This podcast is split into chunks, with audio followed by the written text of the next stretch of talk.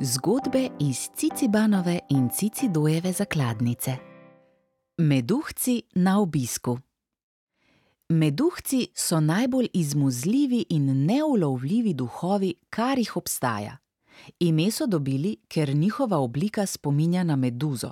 So strastni popotniki in nedolgo tega jih je radovednost pripeljala v naš majhen kraj. Začetno navdušenje nad njimi se je hitro poleglo ker imajo precej ljubki in blagi stvori neko zoprno lastnost. Ko migljajo s skoraj prozornimi trupi, ustvarjajo tako predirljivo piskanje, da bi zbudili še gluhega.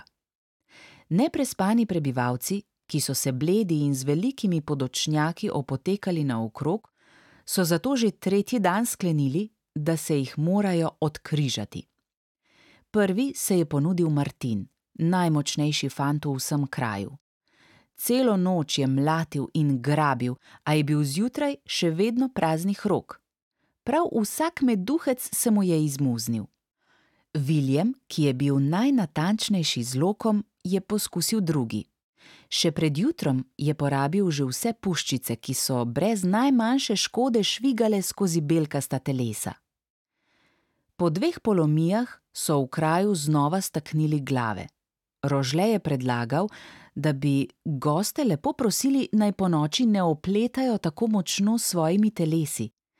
A nihče ni hotel poslušati majhnega fanta, ki je šele začel hoditi v šolo. Raje so osnovali pretepaške akcije.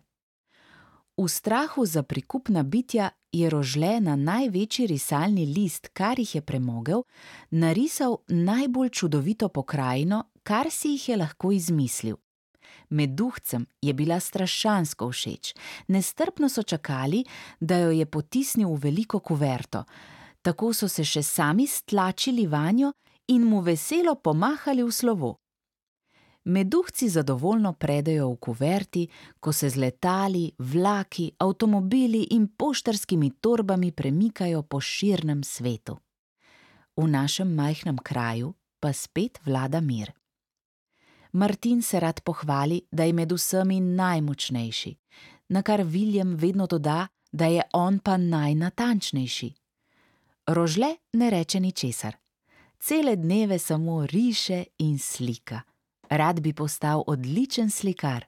Meduhci so mu namreč obljubili, da ga pridejo obiskat, ko bo imel svojo prvo razstavo.